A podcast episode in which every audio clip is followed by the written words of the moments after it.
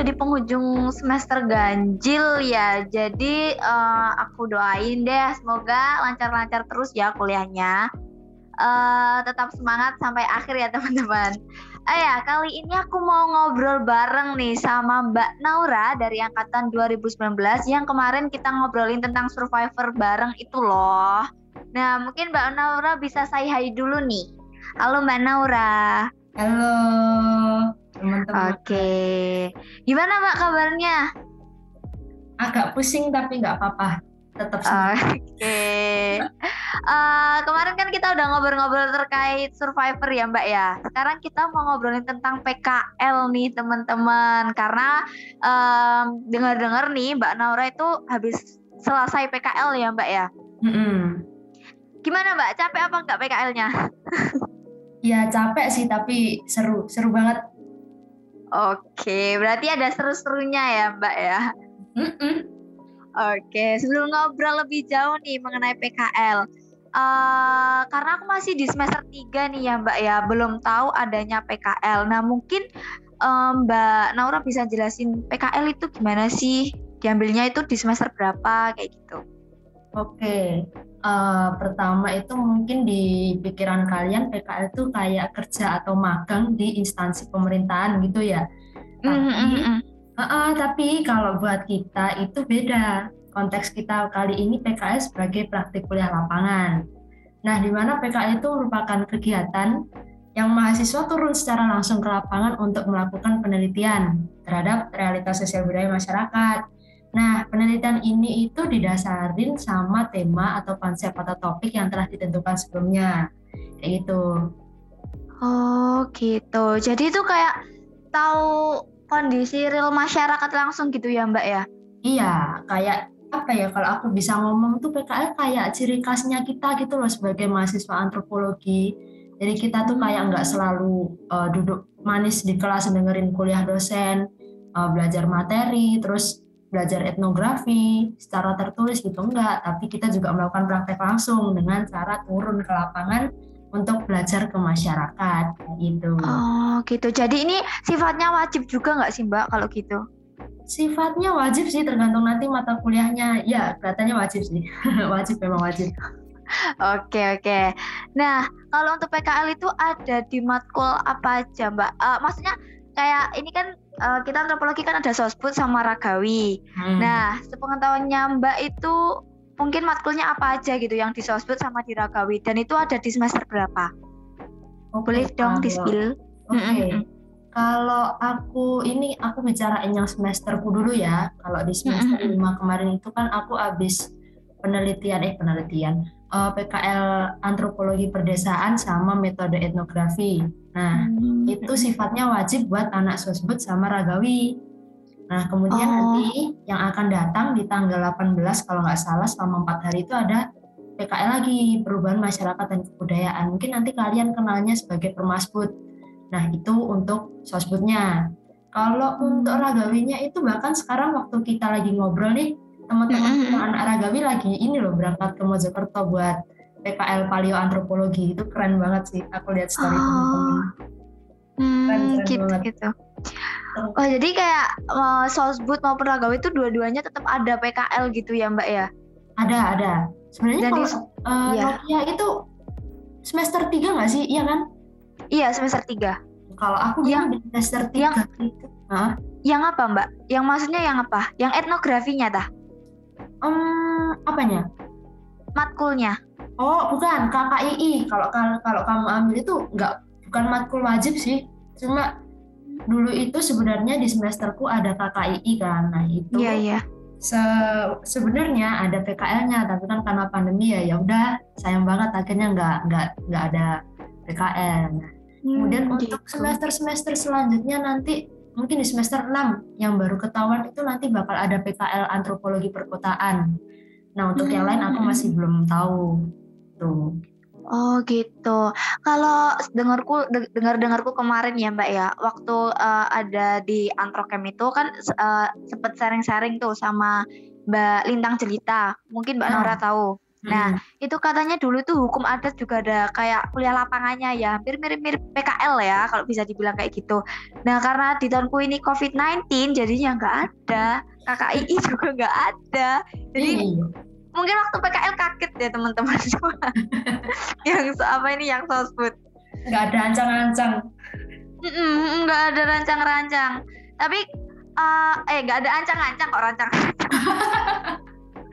Aduh jadi ngeblank tapi kalau misalkan udah dapat apa ya namanya ya hmm, ini loh udah dapat info dari Mbak Naura. Jadi kan ini teman-teman yang dengerin podcast ini mungkin bisa tahu oh ternyata uh, eh, PKL itu ada di sosmed juga ragawi jadi kita bi juga bisa siap-siap gitu loh biar kayak lebih tahu lagi oh ternyata nanti bakal ada matkul-matkul yang diwajibkan untuk PKL kayak gitu Ya. Nah, Mbak, lanjut nih ya. Kalau nggak salah itu aku lihat di Instagram dan dengar-dengar kemarin itu PKL-nya matkul metode etnografi tadi yang dibilang sama Mbak Nora sama antropologi pedesaan.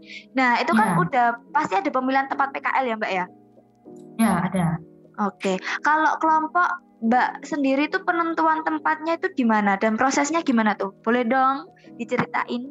Oke, kalau prosesnya menurutku tuh panjang ya. Dari pemilihan uh, lokasi itu jadi yang pertama setelah di announce bakal ada PKL itu kita ini se uh, sekelompok itu kayak kita ngusul apa ngusulin lokasi gitu loh kayak kira-kira desa apa aja sih yang bisa untuk di uh, didatengin buat PKL itu usul-usul itu dikumpulin. Kemudian dari beberapa lokasi yang udah diusulkan tadi dicari dulu data-datanya lewat Google atau mungkin kayak mungkin memang ada anak-anak yang asli situ atau udah familiar sama daerah situ boleh cerita oh desanya tuh gini gini gini gini gini. Jadi kita kan udah tahu ya gambaran awalnya seperti apa.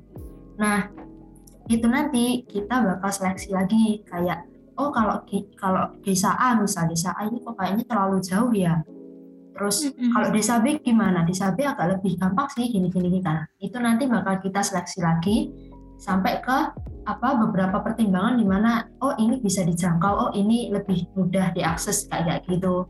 Nah, setelah itu nanti dilakukan itu namanya survei, survei langsung ke desa-desa yang udah ditentukan tadi. Ditentukan tadi. Nah, ini buat apa sih?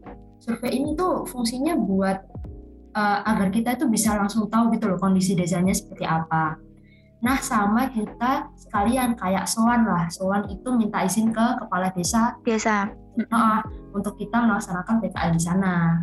Nah setelah survei-survei-survei itu nanti di akhir akan ada rapat lagi kayak diskusi lagi untuk fixkan desa mana yang akan dijadikan sebagai lokasi tujuan gitu. Oke, yang dari tak dengar dari Mbak Naura ini kelihatannya memang panjang banget ya prosesnya. Ini kelihatannya butuh berapa hari Mbak untuk nentuin tempat untuk PKL itu? Kemarin itu uh, jaraknya itu masih lama sih, ada sekitar satu dua bulan sebelum PKL, jadi masih banyak waktu. Mau survei-survei itu juga masih longgar. Jadi ya uh, mungkin kalau survei langsung satu dua hari gitu di tempat. Kalau mau survei-survei lagi masih masih banyak waktu gitu loh nggak usah terburu-buru yang penting pasti aja sih kalau menurutku Oke, nah untuk pemilihan tempatnya itu juga tergantung sama tema yang diambil, Mbak. Tema sama topik yang mau dibahas sama Mbak Raura atau gimana, Mbak? Ya pastinya iya ya. Cuma itu kayak gimana boleh dong di spill. kayak Mbak itu ngangkat topik apa kok sampai memilih untuk uh, apa itu di tempat itu, desa itu gitu atau nggak boleh di spill nih? aku spill aja sih, nggak apa-apa. Oke oke oke. Kalau soal tema atau topik itu malah ada di belakang kalau pengalamanku kemarin. Karena kan announce untuk PKL itu baru keluar, habis itu kayak langsung fokus cari desanya. Nah, mm -hmm. dari hasil survei tadi itu, itu yang nanti akan dijadikan sebagai ini uh, kayak apa namanya sebagai dasar untuk topik gitu loh. Iya. Yeah, uh, uh. Kita nggak maksudnya misalnya gini ya cari desa yang uh, keseniannya misalnya ter ini sama keseniannya itu kan udah jelas kalau kita kemudian cuma cari desa mungkin nanti per kelompok bisa beda gitu loh topiknya mungkin ada desa desa A ini di kesenian, oh, kelompok A itu di kesenian, kelompok B itu di hmm. pertanian. Nanti beda-beda, nggak nggak sama rata semua gitu. Oke, jadi kalau misalkan beda kelompok di satu desa itu bisa, tapi tergantung topiknya beda ya Mbak ya, harus beda gitu ya? Kalau sama desa kayaknya enggak sih. Oh, enggak, berarti tetap nggak boleh sama desa juga? Kalau aku kemarin karena ini kita milih sendiri ya tempatnya, jadi mereka kepencar-pencar gitu angkatanku. Oh gitu. Mm, jadi secara tidak sadar memilih desa beda-beda gitu ya Mbak ya? Mm -mm. Oke, okay, nah gimana gimana? sesuai yang paling dekat kalau syaratnya kemarin kan sesuai yang dekat sama domisili oh. masing-masing tapi ya kembali kalau kelompok pengen di desa ini ya nggak apa-apa silakan Oh gitu. Nah itu teman-teman mungkin itu bisa jadi salah satu tips ya sebelum turun ke lapangan dan sebelum menentukan topik dan sebelum menentukan apa itu namanya desa yang mau dijadikan tempat PKL gitu. Uh, tapi menurut Mbak Naura sendiri hal apa aja sih yang harus dilakuin sekiranya sebelum turun ke lapangan? Selain tadi mungkin bisa dijelaskan mungkin kayak uh, kita harus adaptasi atau gimana atau gimana siapin mental atau gimana gitu. Mungkin bisa dijelasin dong. Oke, kalau aku ini aku bedain jadi dua ya. Sebelum sama sesudah ada di lapangan. Yang sebelum itu menurutku ini yang paling penting juga memperhatikan materi sih. Dari kuliah yang mengadakan PKL jadi kayak misalkan kemarin kan antroperdes perdes sama ME yaitu apa aja kira-kira kan dari situ nanti dari materi yang didapat dari dosen itu kan oh kira-kira ini aja loh yang nanti bakal dicari tahu yang bakal diteliti di desa kayak gitu. Misalkan ada tujuh tujuh unsur kebudayaan. Oh nanti berarti kita di desa teliti soal ini dong tujuh unsur kebudayaan. Ya iya itu. Sama mungkin kayak pemerintahan desanya seperti apa kayak gitu. Pokoknya kamu ikut kalian ikut materi sih. Oke hmm, terus nanti uh, iya iya apa namanya oh iya selain itu ada penyusunan strategi observasi dan wawancara ini mungkin aku ceritain uh, strateginya kelompokku ya Iya iya iya, boleh boleh banget, boleh banget. jadi kemarin itu kan karena banyak sekali yang bakal kita teliti. Jadi itu mm-hmm. satu kelompok anak 10 itu kita bagi tugas. Jadi uh, tiga anak itu untuk tanya jawab. Intinya ranahnya di wawancara gitu. di pemerintahan oh. desa, desa mm-hmm. yang sisanya kan ada tujuh. Itu mereka semua pegang tujuh unsur kebudayaan. Jadi satu anak pegang satu unsur. Kayak gitu. Hmm. di mana nanti di apa namanya tujuh unsur kebudayaan ini bakal dibikin tim. Jadi satu tim isinya dua orang. Nah dua orang ini atas dasar apa? Atas dasar unsur yang mereka pegang tadi. Kalau aku kemarin dapat ini ya uh, unsur ini sistem organisasi masyarakat organisasi sosial. Nah itu hmm. paling dekat maksudnya yang paling bisa masuk bisa relate itu sama sistem religi. Yang kebetulan kemarin aku sama Rere. Jadi hmm, hmm, hmm. kalau organisasi sosial itu kan nggak cuma melulu soal PKK atau mungkin Karang Taruna tapi kan aku juga bisa cari tahu tentang organisasi keagamaan yang ada di desa. Nah itu kan relate sama religinya Rere nah kayak oh, gitu iya, iya. Mungkin juga aku oh, kasih gitu. tips kayak kali uh, ke kalian kayak mungkin sistem mata pencaharian itu bisa jadi satu sama teknologi. Karena apa? Mungkin di pertanian kan ada juga kan mungkin pertanyaannya oh pakai teknologi ini udah maju dan sebagainya. Pokoknya seefisiennya kalian agar data itu bisa bisa kalian dapatkan secara banyak dan mendalam gitu loh. Jadi nggak hmm. satu anak pegang banyak banyak unsur itu enggak anak satu anak cukup satu dan itu mendalam kalau menurutku gitu. Oke oke dan itu kayak harus benar-benar peka juga gitu ya Mbak ya untuk satu anak memegang satu unsur itu juga harus peka-peka banget gitu biar dapat datanya juga banyak gitu Mbak. Iya jadi di awal itu sebelum kita turun kita kan disuruh bikin pedoman wawancara ya. Mungkin pedoman wawancara itu kita pertama kita bikin secara basic kayak intinya apa yang dimaksud dengan organisasi ini yang bakal kita tanyain ke narasumber ke informan gitu ya. Tapi uh, kalian nggak harus selalu ikut pedoman wawancara itu. Kalau kita ngobrol ngobrol sama orang ya kan kadang yeah, yeah. ngobrol itu ngalir. Kayak bisa tiba-tiba bahas A bahas B nah nggak apa-apa itu bisa juga jadi, jadi data gitu loh. Kayak oke okay lah kamu tetap berpedoman sama pedomanmu tadi tapi kalau misal itu bisa ngalir itu kan kamu bisa dapat data yang lebih banyak lagi kayak gitu. Oke oke oke. Wah, bermanfaat sekali nih info dari Mbak Naura. Nah, untuk teman-teman untuk teman-teman yang mendengarkan ini ya dan untuk angkatan 20 dan 21 bisa banget untuk dicatat ya tadi hal-hal penting gitu ya yang didapat dari Mbak Naura. Tadi itu tipsnya untuk apa? Yang dari dalam sama dari luar ya, Mbak. Yang dari luar tadi udah belum? Aku kok oh, belum nyantol. Aku kok lupa. oh, Iya, yang dari dalam itu soal materi kuliah. Kalau yang dari ya. itu waktu kita udah langsung ketemu sama informan itu jadi kayak kita menyesuaikan juga ke mereka gitu loh. Kita kritis kira-kira kalau kita lihat dari secara secara ini oh kok kayak gini ya ternyata mungkin kondisinya. Nah, itu kita kayak putar otak gitu loh. Kayak mungkin apa aja sih yang perlu ditanyain kayak gitu. Oh. Jadi kita kayak oh. lebih peka, harus lebih peka dan harus lebih kritis lagi gitu. Oke oke oke. Nah itu tadi ya teman-teman para pendengar kalau misalnya ini ada angkatan 20 dan juga 21 perlu banget itu tadi dicatat banget ya tips dari Mbak Naura karena bisa dibilang tadi tuh semua mahasiswa tuh harus kebagian gitu loh yang dari kelompok itu. Jadi nggak ada yang malas-malesan juga ya Mbak Naura ya kalau misalnya iya. kebagi semua iya, gitu. Malas-malesan ya di kuaplok di dosen nih. bener bener bener. Ditinggal lah ya Mbak yo. Kalau untuk nilai yo kau kalau kan yo. Urusannya DE gitu. Tapi nih ya Mbak ya, pas um, Mbak Naura dan teman-teman mencoba mengenali daerah sekitar itu kan udah pasti melakukan penyesuaian atau adaptasi gitu ya sesuai lingkungan entah dari cuaca maupun dari sikap masyarakatnya. Kan biasanya ada masyarakat desa itu ada yang antisipasi banget tuh. Kalau misalnya ada orang baru tuh kayak jangan jangan mendekat jangan mendekat. Kayak gitu kan ya mbak ya. Susah banget gitu kan untuk didekatin gitu. Nah mungkin um, mbak siapa ini?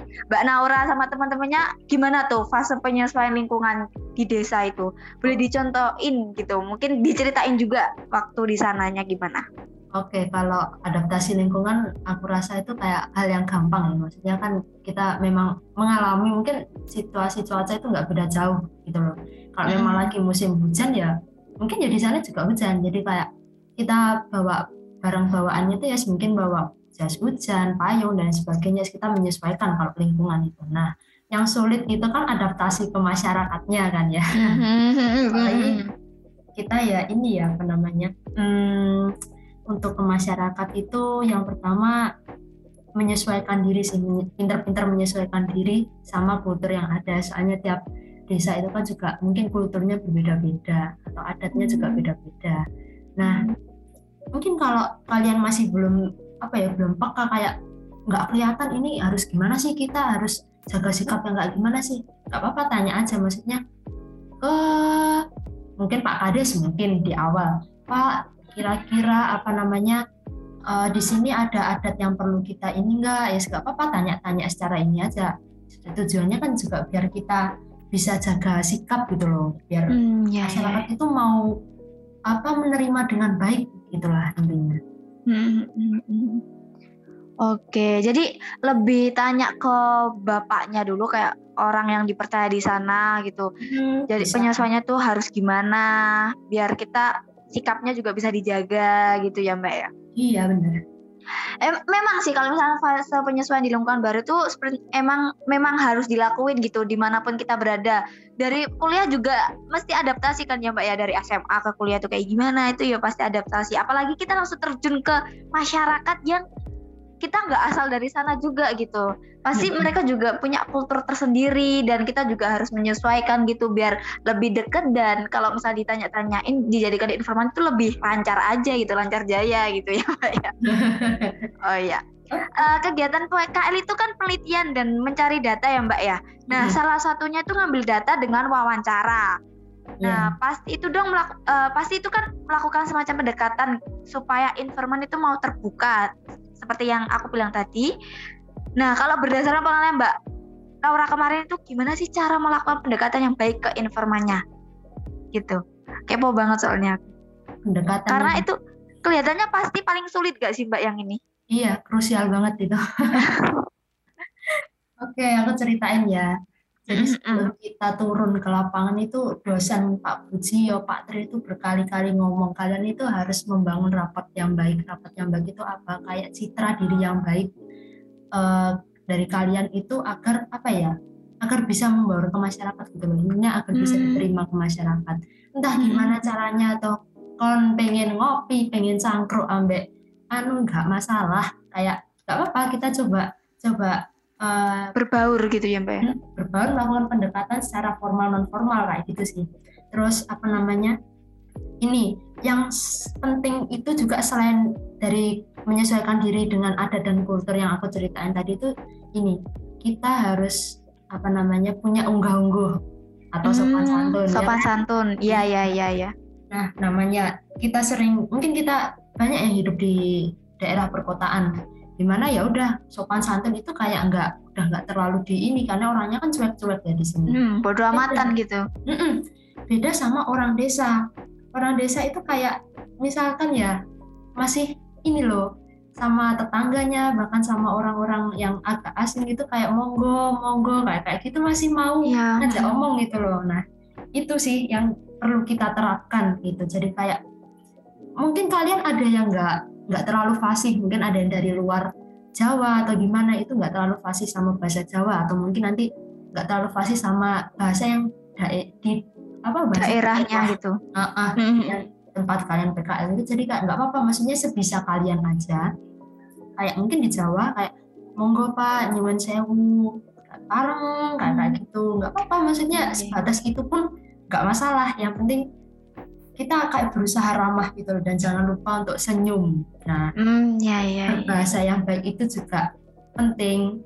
Meskipun meskipun kalian nggak nggak terlalu fase untuk berbahasa daerah pakai bahasa Indonesia nggak apa-apa. Yang penting kayak bahasanya itu tetap sopan sama santun itu agar menghindari apanya apa ya kayak menghindari adanya pihak pemikiran negatif gitu ya mbak ya? Pemikiran negatif kayak mungkin kita dianggap arogan karena dari kota atau mungkin tersinggung sama omongan kita yang beda gitu loh beda bahasa sama mereka gitu. Mm-hmm. Kalau sikap dan bahasa kita itu baik dan sopan itu insya Allah mereka itu mau kok menerima mau welcome gitu loh ke kita mm-hmm. sehingga nanti proses wawancara sama pengumpulan data itu wes lancar aja gitu mm, ya ya ya ya jadi perlu kayak misalnya diajak jagungan ya wes nang ayo jagungan gas kayak gitu ya mbak ya ah, malah ah, kemarin malah monggo mas ngopi mas mbak. Ngajak ngopi.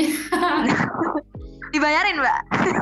Iya, iya dibayarin. Oh, iya. langsung dibikinin wah enak wes oh, berarti berarti orang-orangnya juga maksudnya kayak ya wes ayo gitu. Nek kalian pengen deket ya ayo nek deket gitu ya mbak ya? Nah, kalau kalian bisa loh ya bisa membangun rapor yang baik itu wes enak rek. Tenan oke oke. Nah tadi udah dikasih tahu nih sama, sama Mbak Naura tips buat teman-teman yang uh, luar Jawa itu bisa mungkin pakai pakai kata kayak monggo, g bapak, g ibu, amit kayak gitu ya Mbak ya. Sedikit sedikit tahu lah gitu biar mereka juga tahu oh anak ini ternyata paham gitu sama bahasa sini berarti bisa nih diajak komunikasi gitu mungkin waktu diajak ngomong-ngomong itu juga enak gitu jadi menurut aku tips dari Mbak Naura ini termasuk paling manjur aku kelihatannya cocok banget gitu loh dipakai di PKL nantinya ya buat aku juga sama kelompokku nantinya siapa juga nggak tahu tapi ini bener-bener keren banget caranya nah aku mau lanjut aja nih mbak selama di PKL itu uh, sebelumnya mbak Nora itu PKL-nya di desa apa mbak? Aku di Sugih Waras itu di Kecamatan Prambon Nganjuk. Oh, ng oh, uh, Nganjuk ya? hmm Kalau misalkan itunya nganjuk. Nah, mungkin setelah Mbak Naura di sana itu mungkin bisa melihat apa sih ciri khas dari mereka gitu. Misalnya dari potensi SDA-nya atau keseniannya yang nanti bisa dikaitin ke tujuh unsur kebudayaan gitu.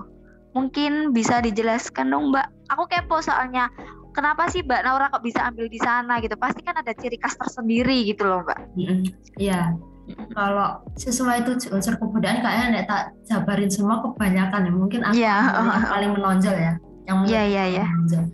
Aku kemarin itu ambil topik utamanya fokus utamanya itu di kesenian. Nah, keseniannya itu apa? Di jaranannya. Nah oh iya iya nah, jaranan. Oh, tahu. jadi waktu aku kayak apa ya lagi keliling-keliling desa jalan-jalan itu tiba-tiba loh ada jalanan rek malam-malam kayak lagi latihan gitu. Ya udah ikut nongkrong ikut duduk ngeliatin. Nah jalanannya itu jalan gitu. Di sana itu banyak banget yang mau apa kayak uh, mewarisi budaya gitulah ininya kayak masih oh. mau latihan. Mas itu bahkan masih anak-anak kemarin waktu aku gitu. Oh jadi kalau uh, masyarakat di sana tuh kayak ya udah pengen pengen aja gitu ya mbak ya untuk mewarisi budaya tadi itu mm -mm. ya nah ini oh ini ya nanti sesuai data masa tak spill oke. Oke yang Oke mungkin aku geser ke ininya aja deh ke pertanyaannya ini salah satunya bikin aku agak wah juga itu di pertaniannya itu benar-benar oh sawah. Sawahnya itu kayak Wah ya Allah hijau hijau hijau banget kayak soker dilihat. Terasi ring mbak. Atau biasa. Terasi ring yang biasa kok. yang oh yang biasa. Oh. Okay. dan teknologinya teknologinya itu kayak mereka tuh udah aku nggak lihat apa namanya orang desa orang sana itu bajak pakai kerbau pakai hewan itu enggak jadi mereka udah pakai apa namanya? Traktor. Alat. Iya traktor. Terus ada alat apa ya kemarin itu yang untuk ngolah padi gitu loh. Nah itu yang lebih jelas sih jelas sih teman-temanku. Ya aku nggak suka iya iya iya iya ya. soalnya ya itu. Kemudian ya itu ada ada satu lagi di religi di religi yang dipegang Rere ya. Kemudian kan aku satu tim sama dia nah. Itu yang bikin aku menarik itu jadi di sana ada sebuah rumah ibadah untuk uh, Nasrani ya. Aku lupa oh. kemarin Kristen atau Kristen nggak nyata kata jadi di sana itu masih ada yang beda agama ya Mbak Yo ada dan ajaibnya itu rukun banget. Saling ah, menerima. eh, kaget aku loh. Kaget loh aku sumpah. Ternyata masih ada tak kirain uh, mayoritas udah Islam gitu loh tak kirain udah Islam semua. Muslim Muslim. Ada kok di sana. Jadi kayak apa ya waktu aku dikasih tahu itu kayak ada ini apa namanya yang punya rumah ibadah. Besok ke sana aja nggak apa-apa. Ya udah nyuwun sewu. Terus aku goncengan berdua sama Riri datang datang ke rumah bapaknya itu ke beliaunya. Udah bapaknya itu kayak welcome banget dan kayak nggak ada rasa tertutup gitu loh. Kayak apa ya? Uh, agak tertutup agak gimana gitu nggak malah welcome banget. Ditanyain kayak pak gini gini gini gini gini. Dan bahkan malah menjawabnya itu sangat sangat detail dan menjawab banget. Ya aku sangat terbantu kemarin.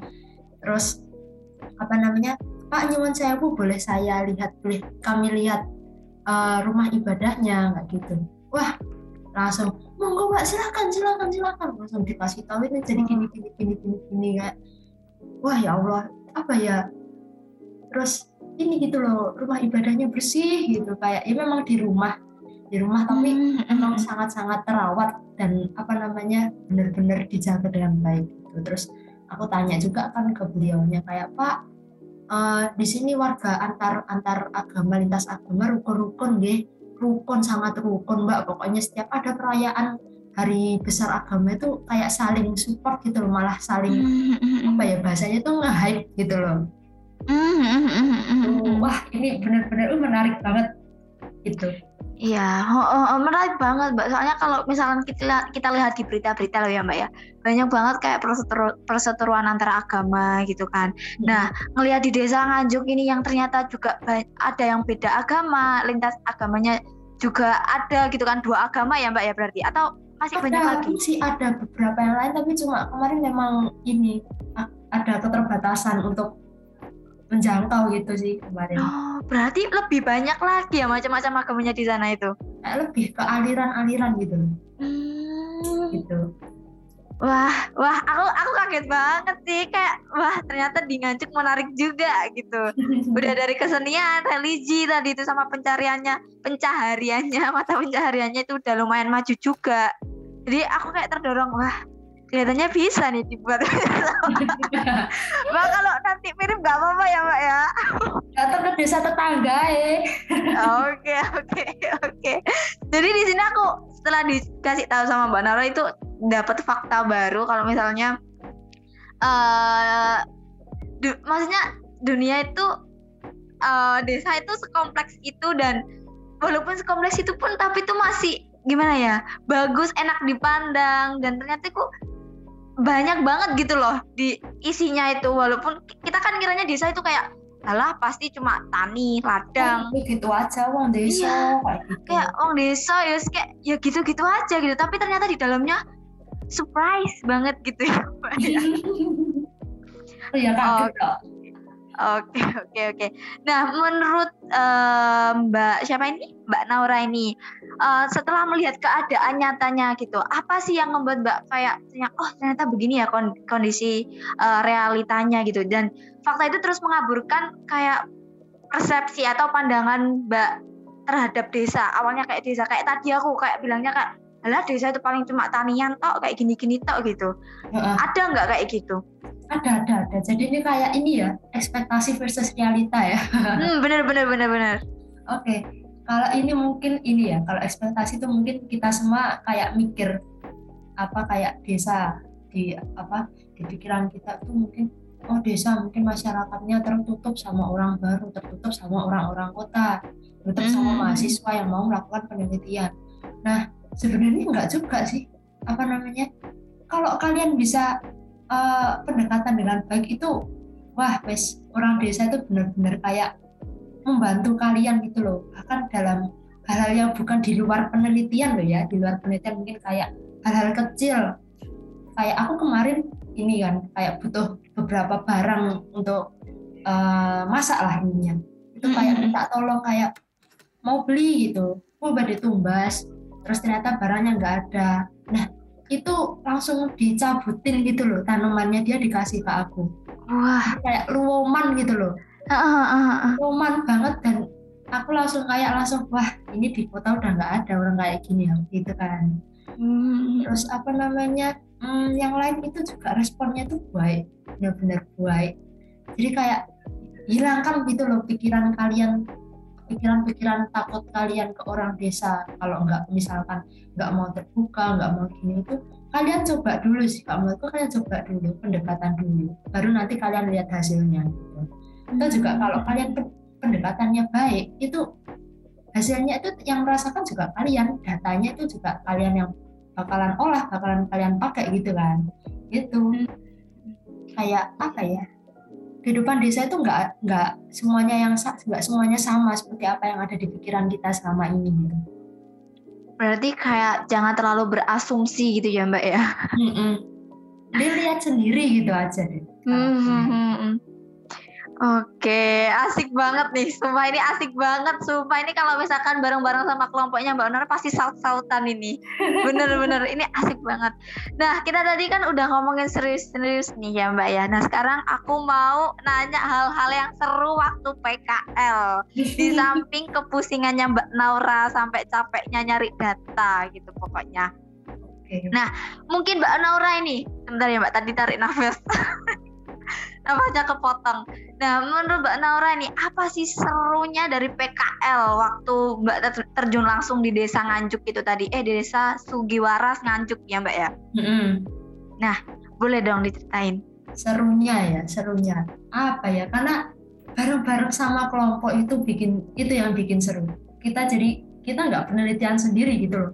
Kalau individu kan mungkin aduh izin abot gitu ya mbak banyak bebannya gitu loh karena apa-apa dikerjain sendiri. Tapi kalau sama kelompok, wah dari berangkat sampai pulang bahkan sampai aku nyampe Surabaya seminggu setelah PKL dibahas terus bercanda bercanda masih ke bawah terus gitu ya masih ke bawah gitu. Oke jadi kalau mungkin serunya ya mungkin aku hmm. cerita aja sih kayak kegiatannya ngapain aja gitu loh di sana. Oke oke boleh boleh banget boleh banget kalau kegiatannya sih gini sih, kita lebih fleksibel karena apa? Kita kan juga menyesuaikan uh, mereka ya waktu luangnya kapan untuk wawancara gitu loh. Iya iya iya. Jadi mungkin banyak banyak uh, orang itu kalau pagi sama siang itu masih berhalangan kayak ada yang bisa, ada yang enggak. Karena kan mungkin masih kerja. Hmm. Mungkin kayak pemain dapat guru itu masih ngajar, dapat orang-orang kesehatan itu juga masih di puskesmas masih di rumah sakit kayak gitu. Jadi kita kayak lebih fleksibel ngikutin aja. Kalau misalnya bisanya sore ya monggo sore. Kalau bisanya malam habis maghrib nggak apa-apa kayak gitu. Jadi kalau kemarin aku dapat itu malam. Malam kebetulan malam itu habis isya kalau nggak salah.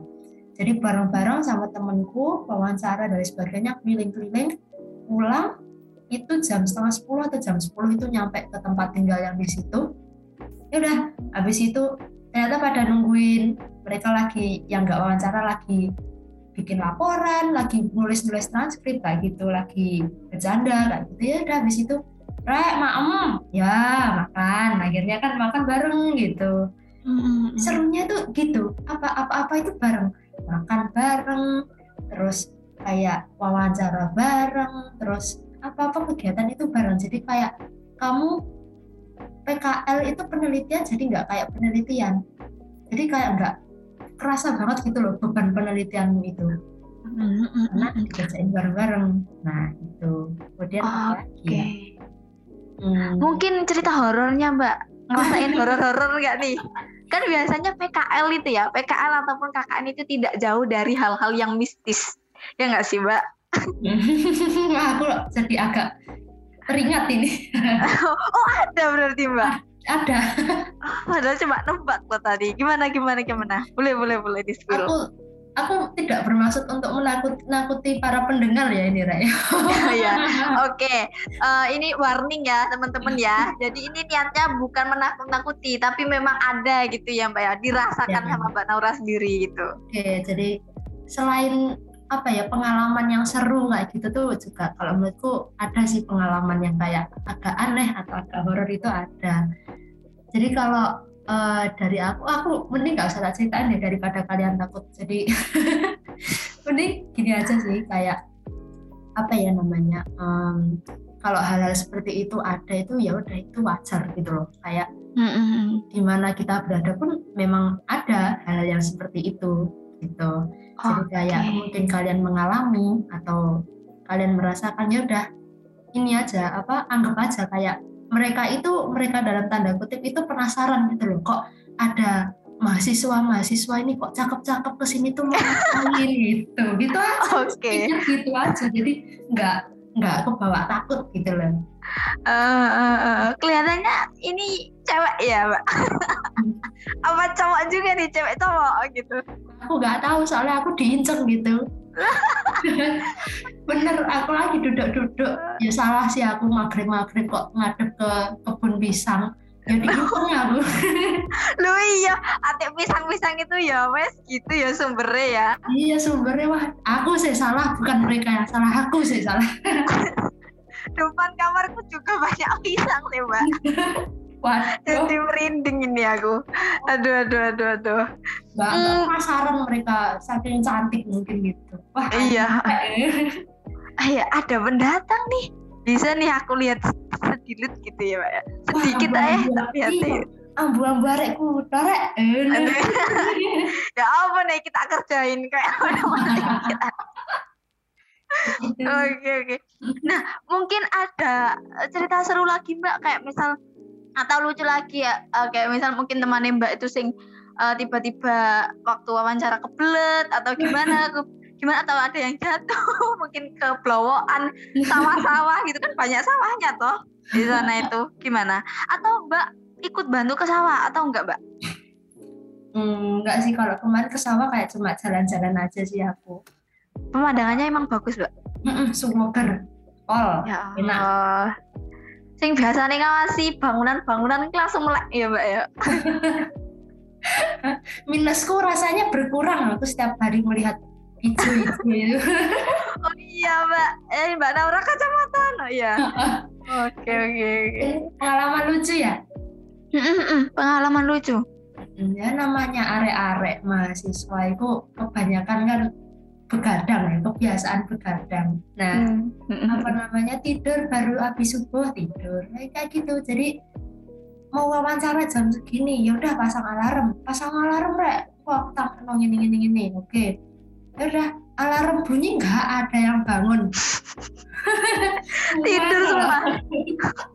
sampai sampai kamar sebelah. Jadi kamar yang pasang alarm itu anak-anak cowok. Sampai kamarku itu aku sih bangun. Akhirnya apa sih ini?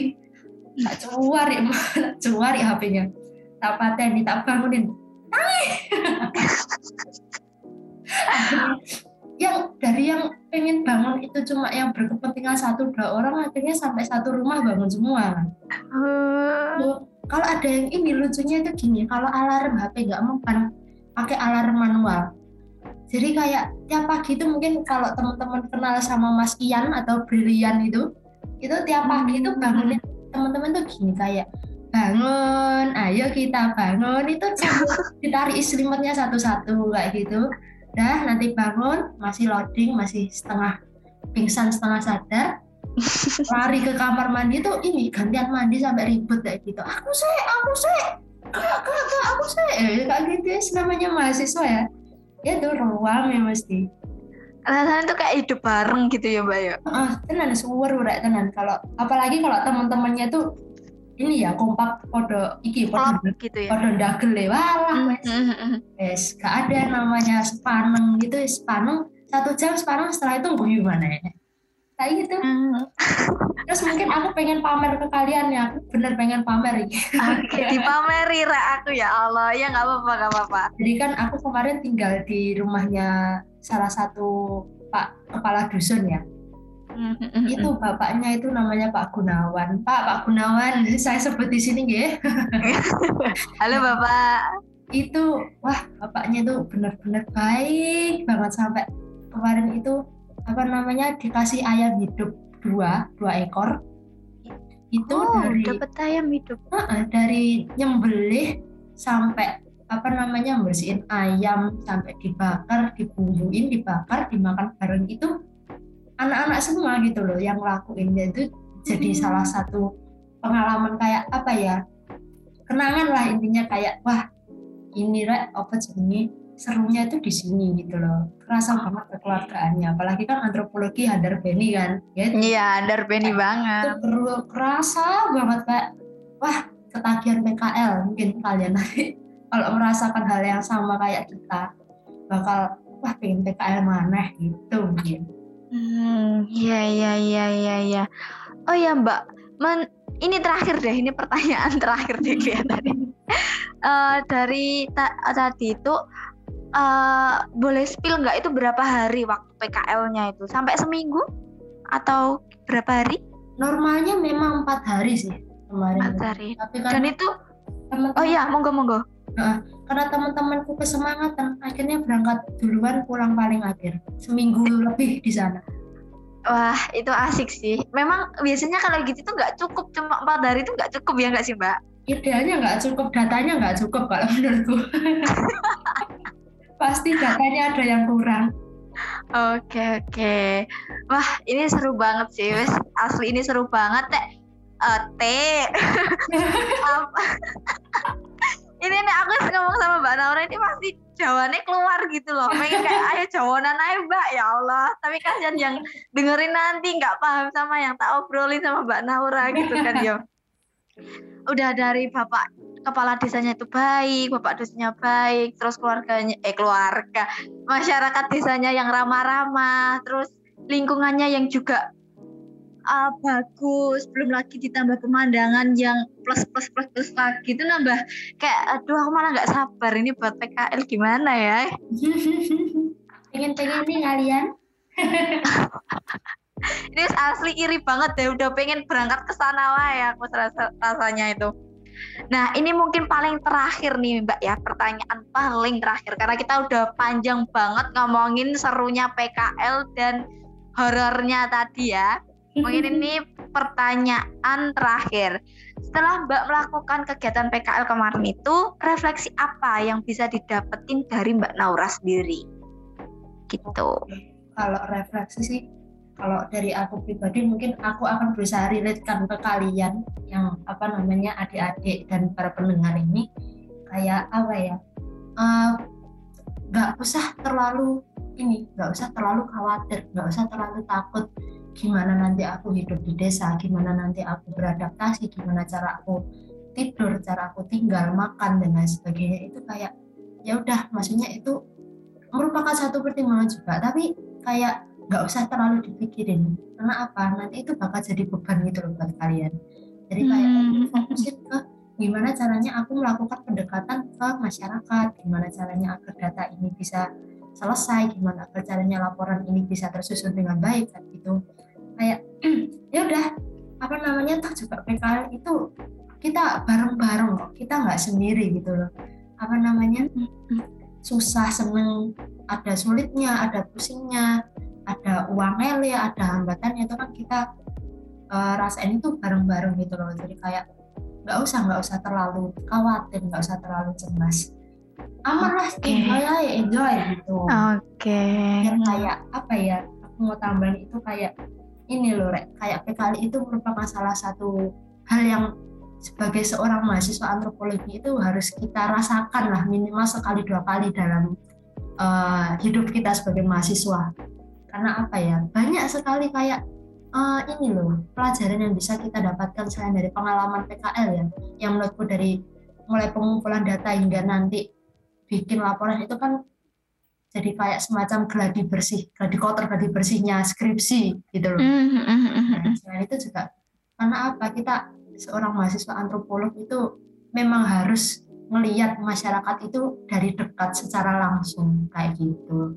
Kamu percuma kayak kamu uh, menguasai banyak teori, menguasai etnografi secara teoritis, tapi kamu nggak bisa mengaplikasikannya dalam kehidupan nyata itu kayak iman sayang banget gitu loh. Makanya dari itu uh, di PKI ini memanfaatin dan apa namanya maksimalin secara lebih lebih lebih agar kalian tuh dapat manfaatnya gitu loh.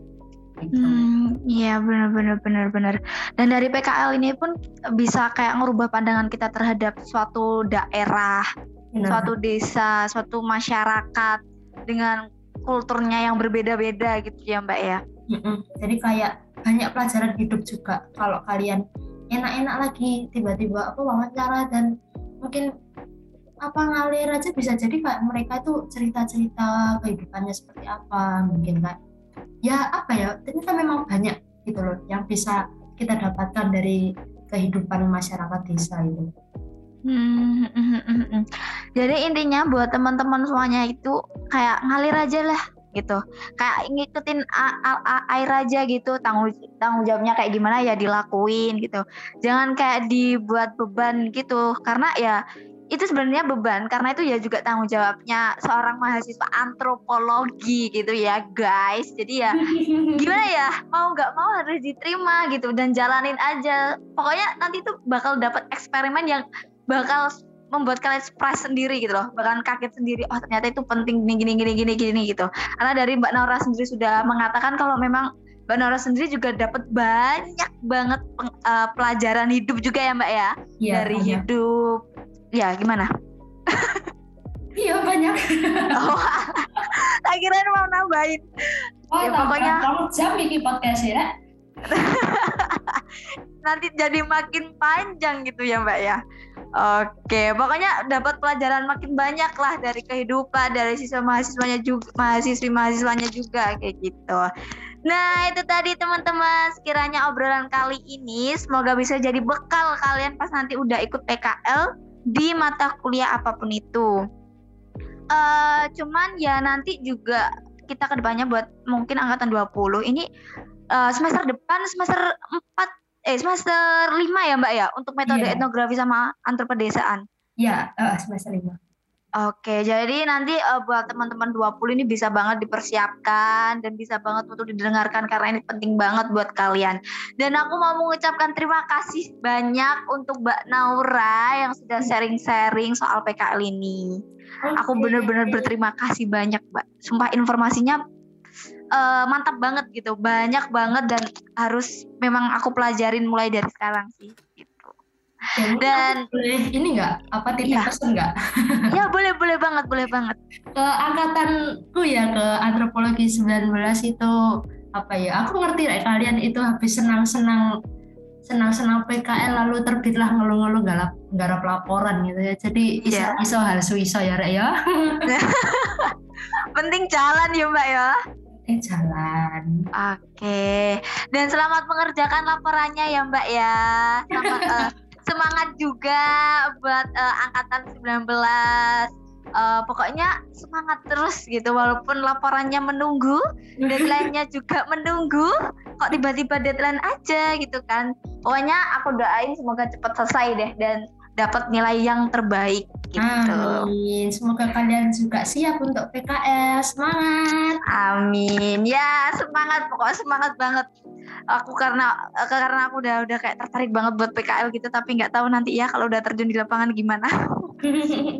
Oke, jadi aku dan Mbak Naura pamit dulu ya. Sampai jumpa di episode selanjutnya. Yang kayaknya tinggal dua episode lagi nih teman-teman. Jadi selalu stay stay stay tune. Pokoknya ditunggu terus gitu ya. Oh ya, stay tune terus di Instagram Hima Antropologi Uner di @antropologi Uner dan stay safe dan juga jangan lupa untuk jaga kesehatan karena sekarang COVID-19 uh, kelihatannya semakin menambah gitu ya. Jadi tetap dijaga kesehatannya teman-teman. Sampai jumpa di podcast selanjutnya. Bye bye. Pamit dulu ya. Makasih Mbak Naura, makasih banyak. Yuk Nadia.